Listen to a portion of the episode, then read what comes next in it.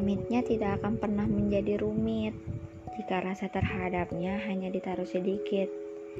Jadilah sebaik-baik diri dalam mengagumi, tak berlebih, apalagi harus menaruh hati. Dia hanya sekilas, definisinya saja nggak jelas. Jadikan saja semua sepi untuk terus fokus memperbaiki diri. Yang tepat akan datang. Ya, hanya saja menantinya mungkin cukup panjang. Butuh sedikit sabar.